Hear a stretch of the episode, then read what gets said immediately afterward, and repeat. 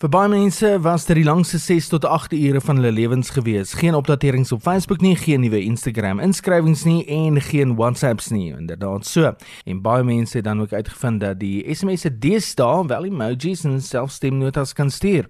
Facebook wat ook 'n magte om geld op die markte in die wêreld verloor het as gevolg van die probleem gisteraand, sê dat 'n interne bedienerfout tot die wêreldwye probleem gelei het en dat dit self so ver gegaan het om die werknemers van die maatskappy se toegangskaarte en e-posse ook onklaar te maak.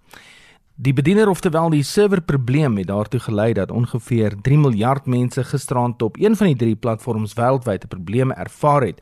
As ons wel terug aanlyn en mense is weer gelukkig en die OW op die skerms veral as mense kyk na die Facebook en die Twitter kommentaar in verband met die probleem wat nogal baie skerp en snaaks is.